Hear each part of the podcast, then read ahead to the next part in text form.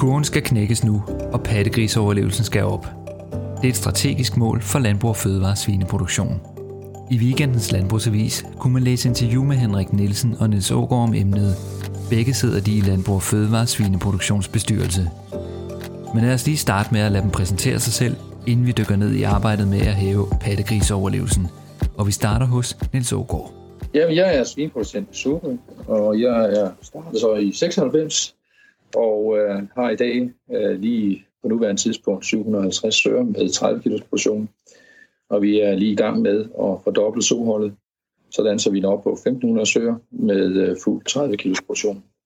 Og det er også primært øh, danske aftager, vi afsætter til. Jeg hedder Henrik Nielsen, øh, er svinproducent her ved Horsens, jeg har, og har været det siden øh, 1995, hvor jeg på nuværende tidspunkt har en svinproduktion med 600 søer og produktion af smågrise op til 30 kilo, som bliver solgt til fire danske aftager.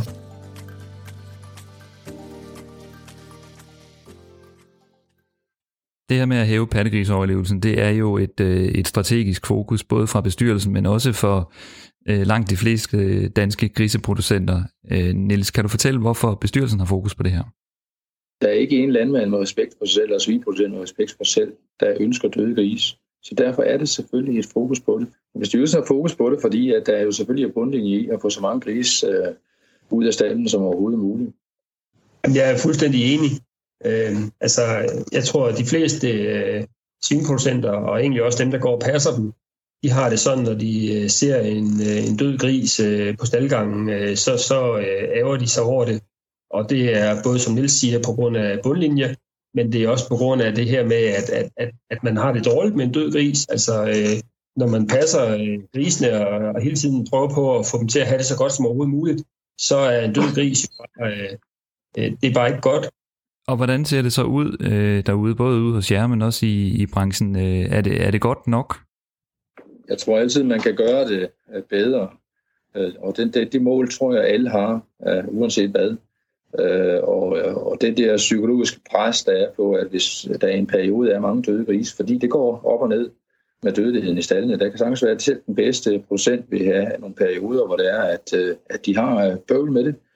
Og det kan være diarré, det kan være en sygdom, man får ind, og nogen havde fået PRS for Norge for halvandet års tid siden, eksempelvis Henrik. Og der sker jo så øh, nogle ting i besætningen, som man ikke umiddelbart kan, kan gøre ret meget ved andet, bare blive ved med at have fokus på at få grisene til at overleve. Og hvordan ser det ud ude hos jer, hvis vi starter med dig, Henrik? Jamen, øh, jeg synes, vi har flyttet os øh, i den rigtige retning. For en to-tre år siden, der havde vi store udfordringer med, med spædgrisediarré. Øh, vi fik faktisk lavet en USK, øh, så der havde vi en alt, alt for høj dødelighed, op omkring øh, 20 procent.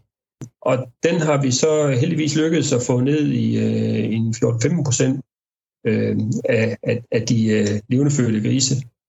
Der var vi simpelthen nødt til at vaske tavlen helt ren, øh, og forstået på den måde, at vi, øh, vi satte os ned og sagde, hvad, hvad, hvad er egentlig alt efter bogen, hvordan gør man det, når man, når man skal gøre tingene så rigtigt som muligt. Og så øh, gik vi frem efter, efter det, og øh, det var jo først øh, vask og desinficering og øh, udtørring og kalkning af stier og hygiejne omkring indflytning af dyr og støvleskift øh, omkring faring og udskiftning af nogle vacciner og en hel masse andre ting. Øhm, og, og det synes jeg, det fik vi til at, at flytte øh, tingene i den rigtige retning. Øhm, og så var vi jo godt klar over, at øh, det var en rigtig masse ting, vi havde sat i gang der, som vi bare ikke kunne... Altså, vi, vi druknede simpelthen i arbejdet, hvis det var, at vi ville fortsætte med det. Så, så da vi fik ligesom øh, kurven knækket og, og kunne se, at, øh, at øh, dødeligheden den gik nedad, jamen så, øh, så begyndte vi at pille nogle af de ting væk igen, som var mest arbejdstunge, og som vi måske på forhånd sagt, vi tror ikke ret meget på, at det er det, der skal til. Og, og, det, og det er så lykkedes os at holde fast i, i en dødelighed på en, øh, en 5 procent nu her, i, har, har ligget på i, i et års tid nu. Øh, men, men det er vi ikke færdige endnu jo, vel? Altså, vi, øh, vi, vi vil gerne længere ned og, og har sat et mål, 12 procent nu jo ikke også, og, og det går vi helt målrettet efter. Og det er, efter min opvisning, med, med øget fokus på, øh, på en masse ting omkring overlevelse. Og 12 procent, hvordan, øh, hvornår regner I med at, at være på det niveau? Sådan, hvad er jeres målsætning? Ja, men øh, det, det skal vi være på inden for et år, øh, vil jeg sige. Og, og, og, og, og vi, øh, vi har et system, hvor vi egentlig øh, hele tiden skriver op øh, ind i stallen, øh, hvad grisene dør af, og vi øh, laver en øh, sammentælling øh, på dagsniveau, øh, hvor vi skriver det op, øh, når man har været rundt igennem alle farstallene, og der skriver man, hvor mange der er døde den pågældende dag. Og, og der har vi jo sat et mål op, at vi ved, øh, øh der må ikke dø mere end 60 grise om ugen i vores produktion, fordi øh, 60 grise om ugen, det, det svarer til 12 procent, så man kan sige, hvis vi ligger over 60 grise om ugen, så, så er vi på, på den forkerte side af 12 procent. Øh, så, så derfor synes jeg, det er en god måde, et godt værktøj på, at, at medarbejderne ingen kan se derinde, hvor langt er vi fra målet egentlig også. Øh, øh, så det er den måde, vi gør det på. Vi startede med at, at, at tale lidt om biologien i det, og der er selvfølgelig nogle, nogle gange går det op, og nogle gange går det ned, men Niels, hvor stor en rolle spiller medarbejderne, der passer grisene i, i det her? Ja, de spiller en, de spiller en utrolig stor, øh, utrolig stor rolle.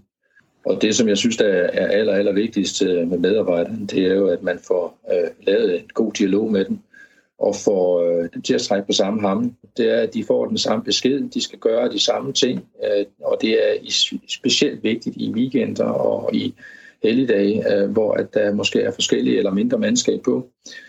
Øh, og øh, vi, gør det, vi gør det i hvert fald på den måde, at, øh, at vi overleverer. Hvis der er dem, der har været i weekenden, jamen der tager vi lige fem minutters morgenmøde mandag morgen, og øh, de fortæller så lige, hvad det er, der er sket, og hvad der er øh, i de enkelte afdelinger, sådan så man går ud øh, med tryghed og vidshed om, at der er gjort det, der skal gøres.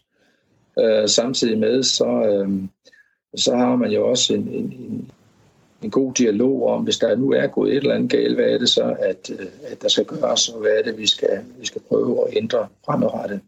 Så ja, medarbejderne har en utrolig stor indflydelse på det her.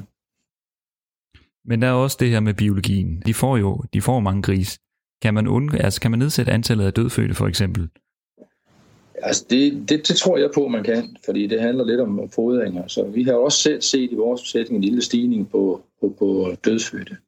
Og det arbejder vi der med. Hvorfor, hvor, hvor kan vi få dem, øh, få dem frem?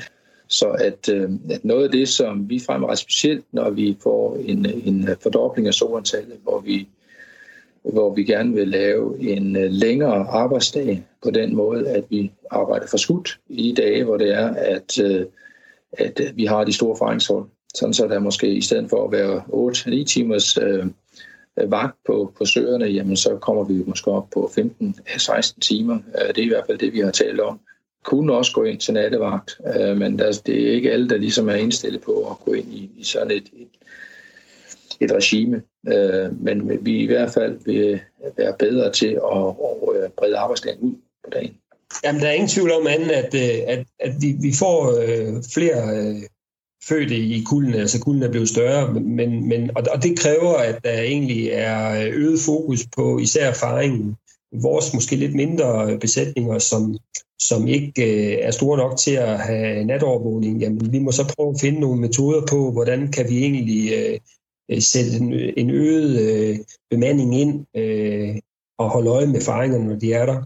Øh, og der, der har vi meget omkring kommunikation i vores besætning, hvor at, øh, de, de staldpersonale, der går ud af stallen om eftermiddagen, hvis der er søer i gang med faring, jamen så øh, afleverer de lige en, en status via en sms øh, til, til mig eller til øh, øh, min driftsleder, som ikke bor ret langt herfra, om at der måske er et øh, par søer, der skal holdes ekstra øje med og lige kigge til øh, en, en, en tur ind til. Øhm, og, og det ender jo med, at, at hvis man får gjort det og får hjulpet en so, der har et problem med faringen, jamen det gør også, at hun øh, er nemmere op og, øh, og passe grisene den næste dag. Ikke også? Altså, det tror jeg, vi kender alle sammen. En so, der har ligget og været for lang tid under faring, jamen det, det er jo en dårlig grisepasser også. Ikke også? Så, så det hiver jo også i den forkerte retning nogle af de største kritikere af, af vores branche her, kritiserer jo netop det her med de store kul. Øh, Niels, er kuldene blevet for store? Nej, kuldene er ikke blevet for store, fordi vi har jo en helt anden dagsorden også. Det er, at vi øh, skal være øh, klimarigtige i den sammenhæng.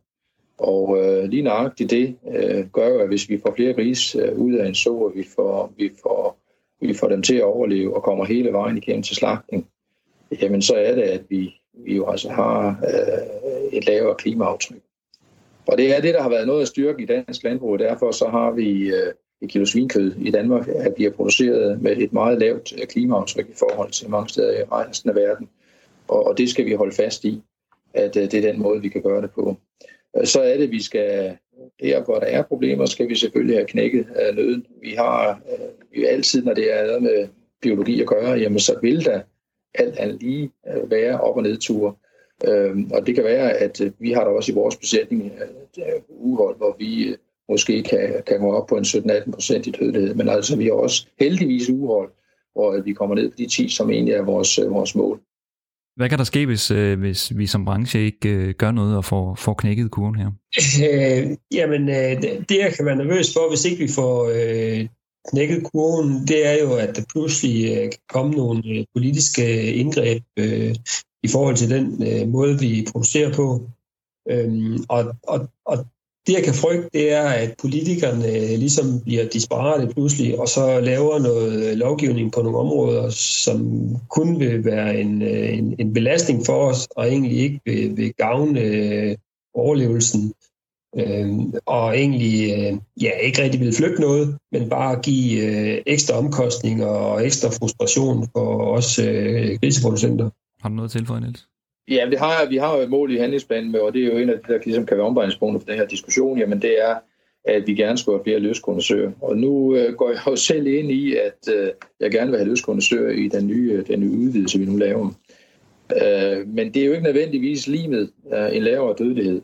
Øh, men man er nødt til at forholde sig til, hvad er det, der skal, øh, hvad er det, der skal gøres, for det skal gøre. Og det er det, jeg godt kan frygte lidt, at man ikke rent fagligt går ind og ser på, hvad er det, at der skal til, at man bare smører ud med den brede pensel igen og siger, jamen okay, så gør vi bare sådan, så slipper vi det, så skal dusørerne være fuldstændig løs. Øh, og det tror jeg er, er rigtig skidt. Øh, for lige at, at, at, at, at forlænge sig den, så er det ikke sådan, at jeg tager fuldstændig løskunde, som, som uh, Antonius producenterne skal. Jeg har simpelthen sat en bøjle i de første 4-5 dage, netop for at holde uh, dødeligheden så langt nede som overhovedet muligt. Så skal de være løst derefter, fordi det tror jeg, der er nogle plusser med. Og hvad er din forventning til, øh, i forhold til, til overlevelse her, og hæve overlevelsen?